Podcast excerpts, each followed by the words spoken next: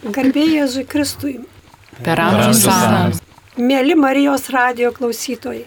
Šiandien laidoje pokalbė prie Biblijos dalyvauja Švento Pranciškaus Ksavero, Jėzuitų bendruomenės maldos Vymedžio šakelė grupės nariai. Aš esu Asta. Milda. Marius. Kristina. Ineta. Raminta. Dalė. Erika. Rytis. Pradžioje pasimelskime. Vardan Dievo, Tėvo ir Sūnaus ir Šventosios Dvasios Amen. Viešpatie mūsų Dieve, Tu be galo didis, apsisiautęs garbę ir didybę, apsigaubęs šviesą lyg drabužiu. Dėkojame Tau už visas teikiamas malones. Laimink mūsų šeimas, tautą ir bažnyčią.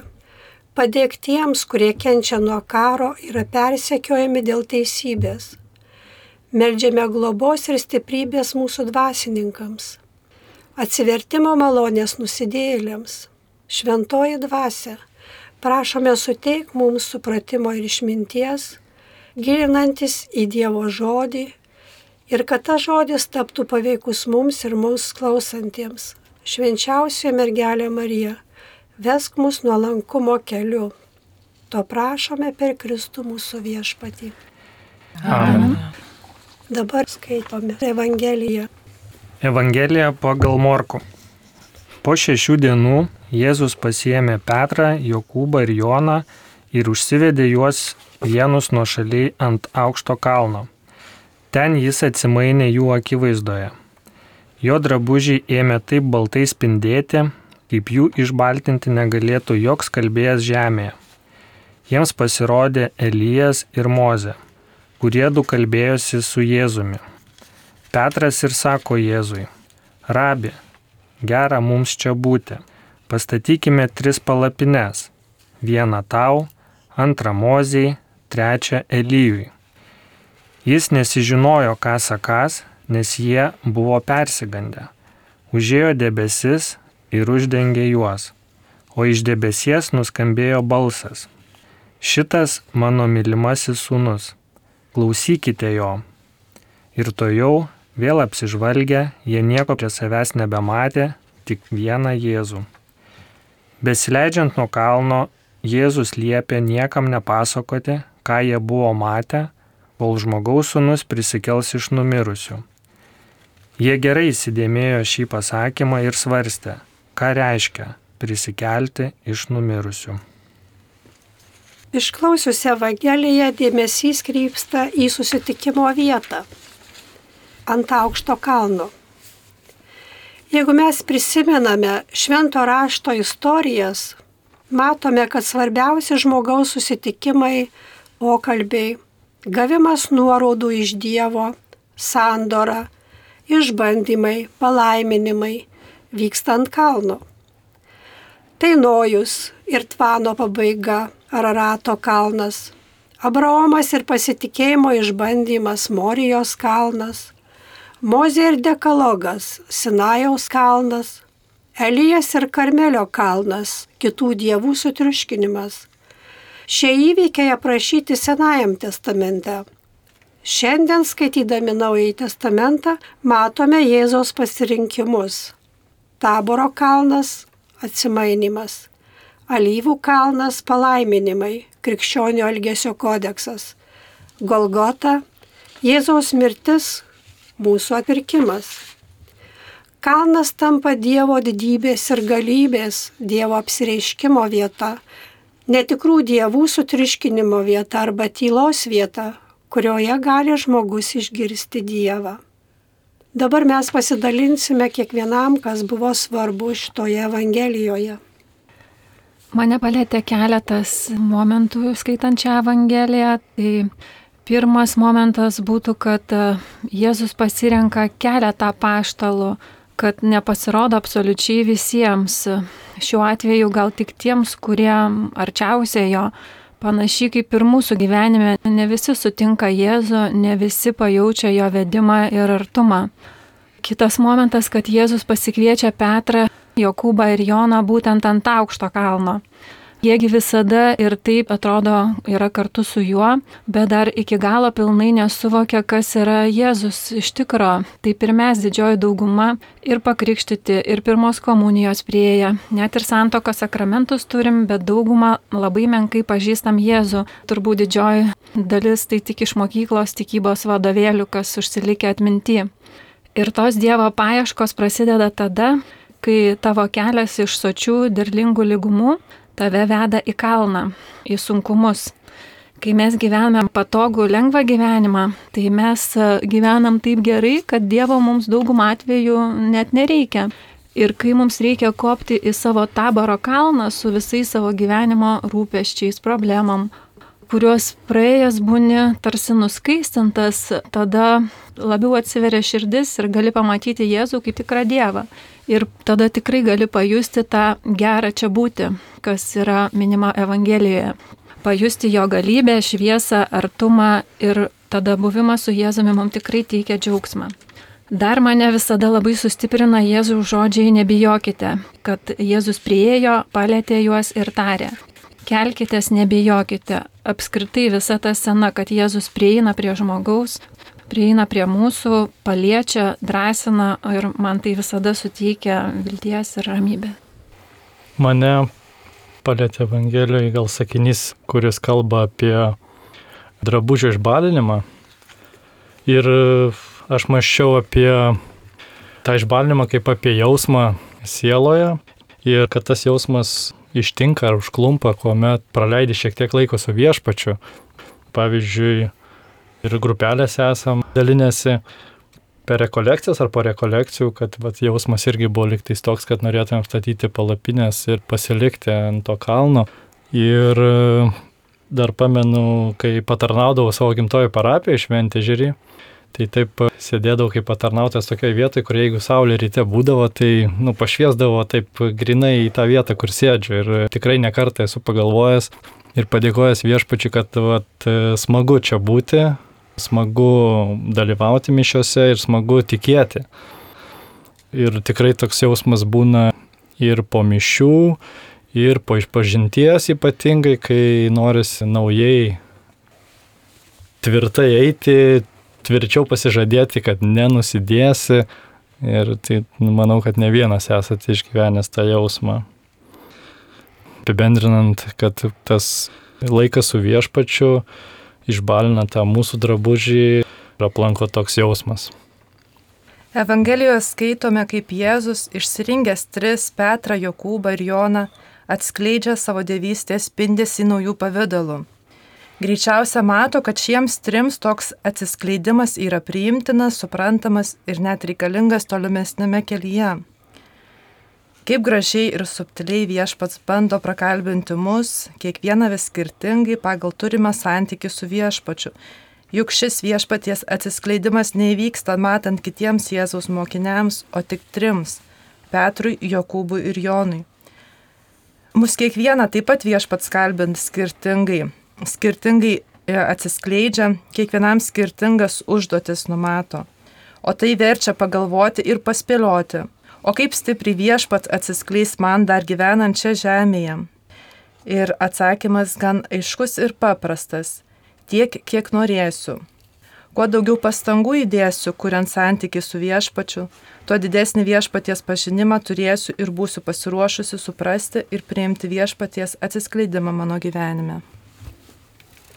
Šioje Evangelijoje mane palėtė irgi keli momentai. Tai vienas iš jų būtų, kad Jėzus nusivedė apaštalus nuo šaliai ant aukšto kalno ir ten jis atsimainė jų akivaizdoje. Tai mane palėtė tai, kad nuo šaliai ir tada atsimainė jų akivaizdoje. Tai aš išgirdau kaip tokie kaip instrukcija, kaip žemėlapį, kur mes žmonės, pasauliečiai, galim susitikti Jėzų, kad nuošaliai, nuošaliai nuo mūsų kasdieninių rūpeščių, nuo, nuo mūsų džiaugsmų kasdieninių išorinių ir kad dažnai sutinkam tik tyloje Jėzų tas pats asmeninis patyrimas yra ir po rekolekcijų, kad iš kiekvienų rekolekcijų išeinu kaip po tilaus pokalbio, be žodžių pokalbio su Jėzumi, kur visada išsineši kažkokią tai išmintį ir, ir būni kitoks, negu buvai prieš tai. Ir taip pat antras momentas mane palėtė, kur apaštalų svarstymas, ką reiškia prisikelti iš numirusių. Aš svarstau, ką man reiškia prisikelti iš numirusių, ką reiškia žmogui prisikelti iš numirusių. Tai yra, man tai suskambėjo kaip nubusti sielos gyvenimui, nubusti vien tik iš savo pasaulietiško gyvenimo, pamatyti gyvenimą tiesos akise, tada, kai atrandi tikėjimą ir Kristų ir supranti, kad viskas gyvenime nebetrodys taip, kaip atrodė, tu viską pradėsi matyti tiesos akise ir tie patys kasdieniniai rūpeščiai ar dalykai atrodys kitaip. Tai tiek. Man tie žodžiai, rabi, gera mums čia būti, pastatykime tris palapines, vieną tau, antrą mosiai, trečią Elyjui. Ir jeigu pažiūrim, ką reiškia tai, kodėl Petras tai pasakė, koks tai simbolis, matom Jėzaus prisikėl, reiškia Jėzų, kuris parodo savo garbę, jam pastatyti palapinę taip, ir Mozei, ir Elėjai, tai yra tiem, kurie atstovauja senojo įstatymo dalims, įstatymui ir pranašams. Čia jau aš ką radau pas Bernardinai LT, nes iš tikrųjų tai irgi labai įdomu pažiūrėti tuos simbolius. Ir dar kitas dalykas, tai palapinės. Ir yra žinoma, kad žydai labai mėgo palapinių šventę ir ten Tai buvo labai džiaugsminga šventė ir jie geria vyną, valgė, grojo fleitą ir netesdavosi ten savaitę, man atrodo, dvi dienas reikėjo nedirbti ir reikėjo statyti palapinės ir tos palapinės turėjo būti matytis dangus. Tai reiškia, kad žemė sustinka su dangum. Jie atsiveria dangui. Ir ta šventė, jinai turėjo dvi prasmes iš tikrųjų. Tai yra derliaus namimo šventė ir tuo pačiu ir dvasinio išsivadavimo kelionė, nes jie išėjimo iš Egipto atminti. Jie ją džiaugiasi, jiems tai buvo svarbi, labai džiaugsminga. Tai reiškia, Petras kažką panašaus išgyveno, jis pasijuto kaip tikriausiai, galima taip manyti, kadangi jis norėjo statyti dvi palapinės. Kad jam kažkas panašaus buvo kaip va ta šventė.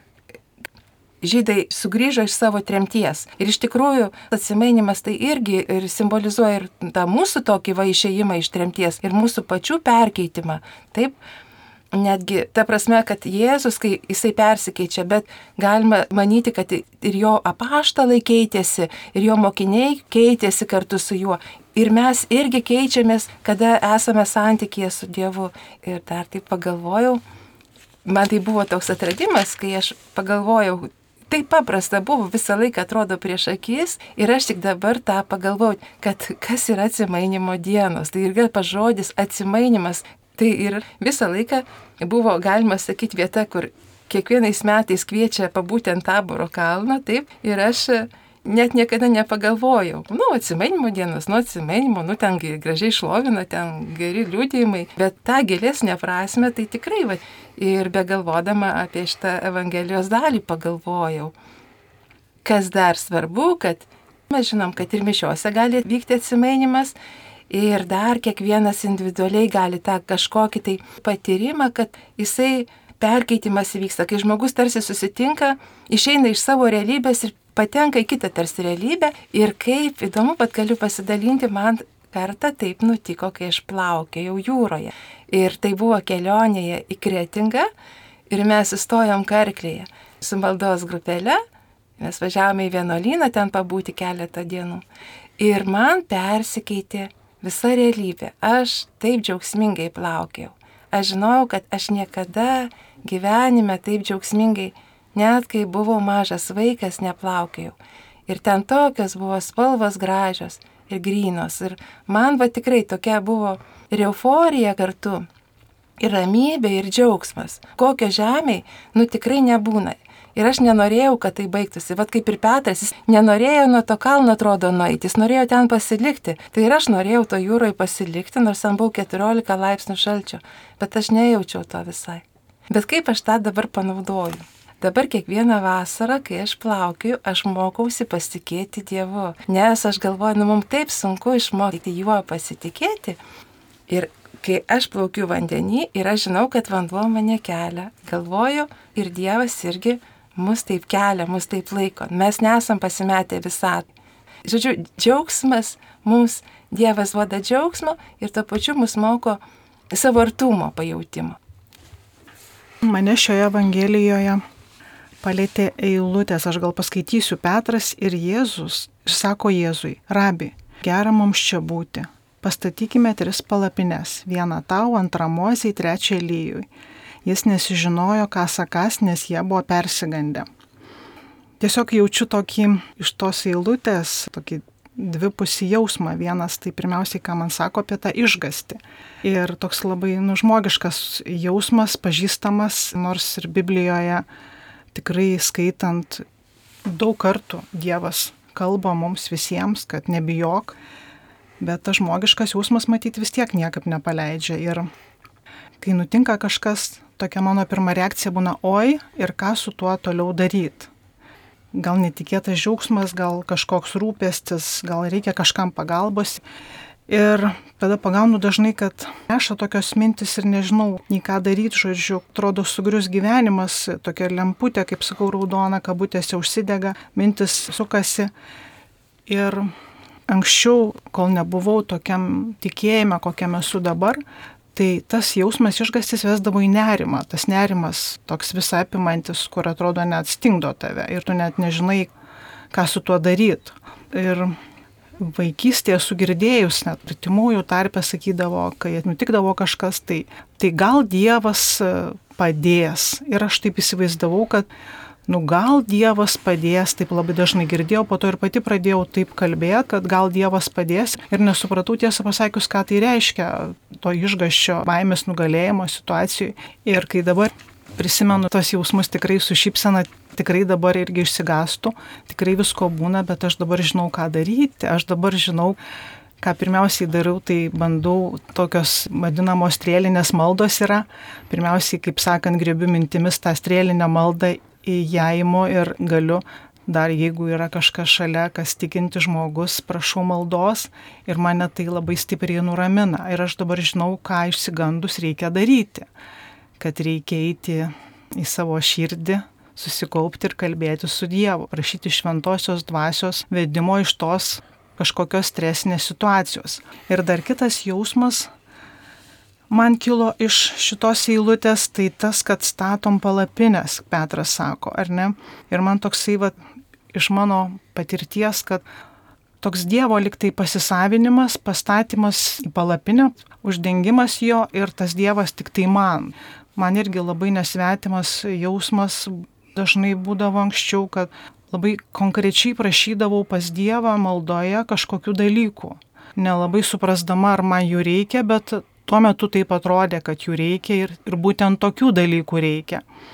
Dabar jau tikrai žinau, tikėdama savo kelionėje, kad Dievo planas yra mums toks, koks yra ir jis tikrai geriau žino. Mano daug gyvenimo įvykių pasitvirtino, kad e, tikrai ne to prašiau ir tikrai ne to norėjau, gavau tikrai daug daugiau ir daug geresnių dalykų, stebuklai tikrai vyksta su Dievu būnant kartu už parankės, kaip aš sakau. Ir dabar visiškas mano atsidavimas širdyje man padeda išgyventi. Mėly Marijos radio klausytojai, šiandien laidoje pokalbė prie Biblijos dalyvauja Švento Pranciškaus Ksavero, Jėzuitų bendruomenės maldos vynmedžio šakelė grupės nariai. Ši Evangelija labai svarbi šiuo momentu, šiuo laikotarpiu, gavėnės laikotarpiu. Jėzus nusiveda ant kalno. Jis tai tarsi man asocijuojasi kaip kvietimas į maldą, į kažkokį atskirą buvimą, pakvietimą nuo šurmulio, nuo kasdieninių rūpeščių kažkur ant kalno, kur ramybė tyla, toks kvietimas į maldą. Jėzus atsimaino, tai toks tas atsimainimas kaip Jėzaus prieš prisikelimą, jisai tarsi patraukia tą šydą ir šiek tiek parodo to stebuklo, to prisikelimo Ir iš to prisikėlimo, to santykio buvimo maldoje, kartais būna tas nuostabus, labai labai geras jausmas, kaip ir apaštalam, kaip ir Jonui Petrui ir Jokūbai buvo gera. Būnant giliai su Jėzumi maldoje, iš tiesų ir mums būna labai labai gera, kaip jau ir minėjau. Grupelės nariai, ypatingai per rekolekcijas tą pastebim, išbūnant giliai maldoje šalia Jėzaus ramybėje, šalia jo, jo pasitikėjime, jo santykėje, būna iš tiesų labai labai gera būna ir nerimo tokio ir iš to gerumo, kaip ir atvestiems mokiniams. Jie buvo persigandę, kartais ta gili malda būna ir man, kad persigasti, bet tada supranti, kad esi su Jėzumi. Ir buvo sunku eiti nuo to kalno. Norėjosi tikrai statyti ir tą palapinę ir išbūti toliau toje maldoje ir tame gėryje. Tai labai svarbu ir gavėnios laikotarpį suprasti, išbūti ir pasiruošti didžiajam stebuklui Jėzaus prisikelimui. Aš visas Evangelijas iš tiesų stengiuosi skaityti ir galvoti apie jas, kad taip iš tikrųjų buvo. Ir vad kiekviena Evangelija, kiekviena dalis, nu man yra tokia kaip atskira istorija. Ir šita Evangelijos dalis taip nu, labiausiai turbūt asocijuojasi su keliais dalykais. Man tai labai įstringa, kad kvietimas pastatyti palapines. Ir e, iš tiesų daug esu galvojęs apie tai, kas tos palapinės ir tas noras jas pastatyti. Ir e, galvojant apie tai, kad iš tikrųjų taip buvo, tai mes liūdėjom nu, savo tam tikrus liūdimus, savo patyrimus, kaip e, mes patyrėm Jėzaus artumą. O čia vertina tai, kad tikri žmonės, apaštalai kartu su Jėzumi nukeliavo ant kalno ir Jėzus atsimaino ir trys apaštalai pamato tą Jėzaus nušvitimą, tuos, tą šviesą ir kokį jie turėjo patirti stiprų patyrimą. Tai čia ir rašo tas sakinys, kad rabi gera mums čia būti, tai taip simbolizuoja, kad jie tokie, nu, kažkokioj visiškai patys yra kitoj būsenoj ir liktai kažkokia tai kaip halucinacija, jiem jie nori pastatyti palapinę, ta palapinė ateina turbūt vėl kaip simbolis, tam tikra tradicija ir jų ta būsena. Tai aš galvoju, kaip jie iš viso galėjo tokį dalyką laikyti ir dar kalbėti. Tai negana to, tai yra vienas jų pamatymas Jėzaus atsimainimo.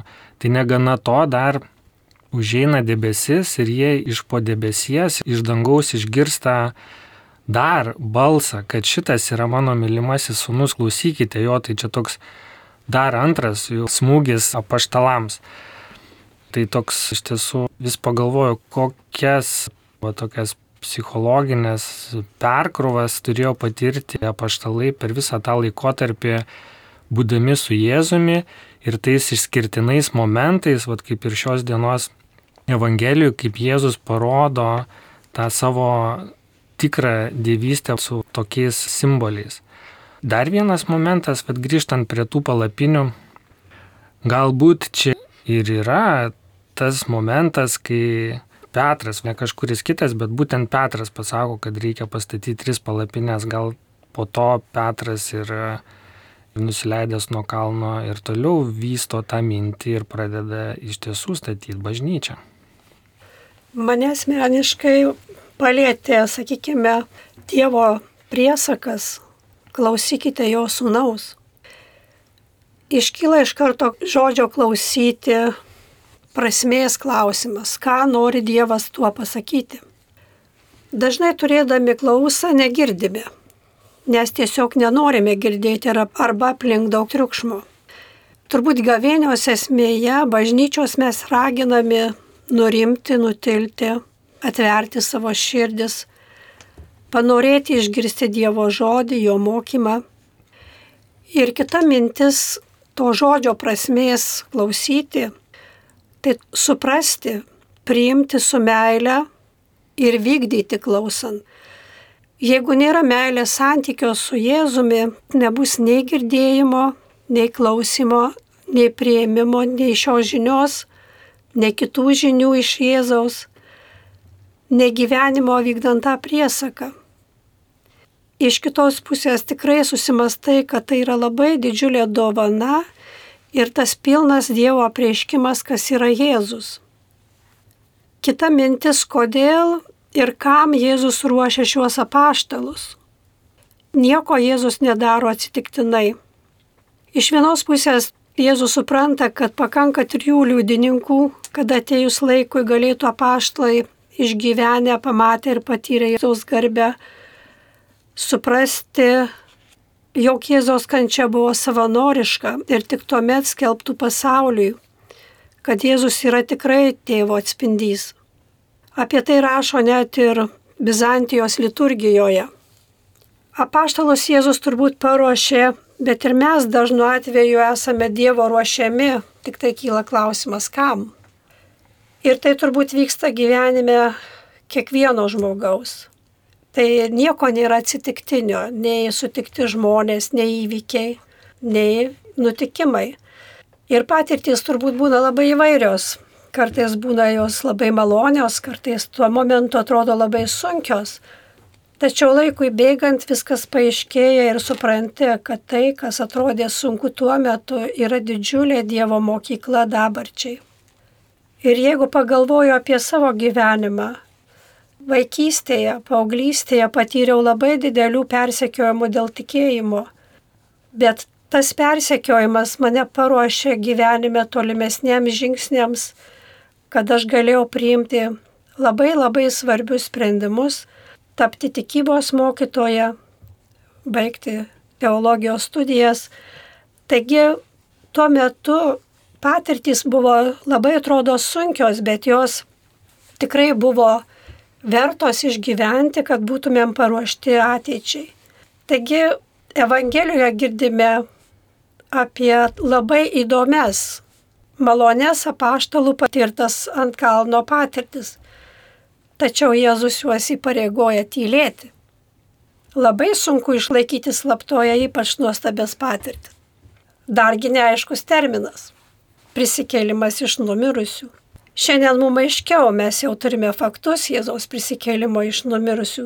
Tik šie žodžiai šiandien mums gavėnios metu gali būti raginantys susitaikyti su Dievu, atlikti išvažinti, sudalyvauti rekolekcijose, padaryti daugiau gerų darbų, daugiau pasimelsti, pabūti tyloje, prisikelti dvasiškai su Jėzumi. Labai įdomus įvaizdis, kada pradeda drabužį spindėti, skleisti šviesą, kuri nepaprasta. Iš tiesų Jėzus žėrintis ir didingas, besiruošiantis nugalėti didžiausią priešą nuodėmę. Apaštalams buvo suteikta galimybė pabūti dangaus būsenoje, pamatyti pranašus Mozę ir Eliją, pamatyti savo mokytoją nežemiškoje aplinkoje ir būsenoje. Apaštalams buvo labai gera, tiesiog tobula. Jie nori ten pasilikti. Kartais ir man tenka bent minimaliai prisiliesti prie tų dangiškų patirčių, norisi patyrus į jas sugrįžti. Tai nutinka ne visada, bet kai adoruoju švenčiausiai sakramentą, priimu komuniją, atlieku išpažinti arba kai žmogus atranda santyki su Dievu, atsiverčia. Ištirpsta laikas, pasitraukia rūpeščiai, išnyksta aplinka, užplūsta džiaugsmas. Tai patirtis praktikuojant tikėjimo, o ką jau kalbėti apie apaštalus, kurie išgyveno Jėzaus dieviškumą. Dar kiti žodžiai, kur sako, užėjo debesis. Kokia yra Dievo malonė? Ir mums yra paštalams. Dievas mums save atskleidžia per žodį, bet ne per vaizdą. Ta žodis teisingas, uždegantis, pamokantis, vedantis, tvirtas, nurodantis kryptį Dievas atskleidžia po truputį palaipsniui, kiekvienam pagal supratimo galimybę. Kitu atveju mes nepajėgtume, būdami kūniški, susitikti su Dievu. Kita vertus, krikštą prisimenančius tikinčiuosius rengia Velykų paslapčiai švesti. Jėzaus dieviškumas ir jo šlovė parodyta paštalams suteikia viltį, kad ir mūsų galutinis tikslas ne mirtis, bet amžinasis gyvenimas, kurį pažadėjo pats Jėzus. Pamatysim žmogaus sūnų ateinantį dangaus debesyse. Gal turim dar minčių kokių? Man dar šitie Jėzus liepia niekam nepasakoti. Tai aš visada labai turiu save laikyti, nes atrodo, kaip yra posakis, ar ne, kai pasidalini džiaugsmą, tai jis padvigubėja, o kai skausmas užplūsta ir pasidalini su kažkuo, jis ir sumažėja per pus, ar ne, tai suprantu, kad kai skaitai Evangelijoje, Jėzus liepia nepasakoti, tai jisai turėjo šitą būtent mintį nepasakoti. Ir aš tikrai žinau, kad gyvendama daug kartų esu nudegus iš tos pusės, kad pasakiau to, ko nereikėjo sakyti. Ir dažnai, kai pasakai, ta žodis išsprūsta iš tavo lūpų ir tu jo net nepagauni ir galvoji, kad gal nereikėjo, po to save grauži. Ir čia, kai Evangelijoje skaitau, kad tai Jėzusgi pasakė, kad nesakyti. Ir aš galvoju, kad kaip laikytis gyvenime to dalyko, tokio rimto pasakymo nesakyti, kur tikrai yra dalykų, kurių nesakyti, bet kartais galvoju, gal reikia pasakyti ir tas toksai permuša žmogiškas jausmas, kad pasidalinti, man nėra čia vienareikšmiškai Jėzus liepia, tai nežinau, ar klausyčiau. Dar aš prisiminiau, kad Faustina savo dienoraštyje rašė, kad jinai, aš taip laisvai dabar aš tiksliai neatsiminsiu, bet kad jos širdie bus taboro kalnas, kuriame ilsėsis Jėzus. Ir vadinasi, kokie be būtų įvykiai išoriniai, jinai labai daug kentėjo, bet jo širdyje bus ramybė. Ir ten toje ramybėje bus Jėzus. Ir netgi pas Jėzus jie yra sakęs, kad e, tu negali to kontroliuoti, ką tu jauti, bet tu gali išsaugoti ramybę visą laiką savo širdyje. Ir aš galvoju, kad tas yra irgi labai svarbu, ypač šiais laikais mes tikrai yra neramus tie laikai. Turint galvoj, kad e, mes tikrai jaučiamės nesaugus dėl ateities ir iš vis žinau, kad daugelis dabar nerimauja ir galvoja vos ne krausytis ir kažkur tai važiuoti, kur galbūt yra saugiau. Tai tokia situacija yra, manau, tą ramybę tokią mokintis, išlaikyti, iš Faustinos pasimokinti, kad saugoti savo širdyje ramybę. Vis dėlto man tai taip svarbu, kad Jėzus į kiekvieną žmogų kalba, nu, jo kalba, pagal to žmogaus gebėjimus, kad prie kiekvieno žmogaus pasilenkia, kad ir kokios jisai būtų mažumų. Iš tiesų, mes čia daug kalbėjom apie palapinės, Žodis palapinė tai susisieja su tabernakuliu.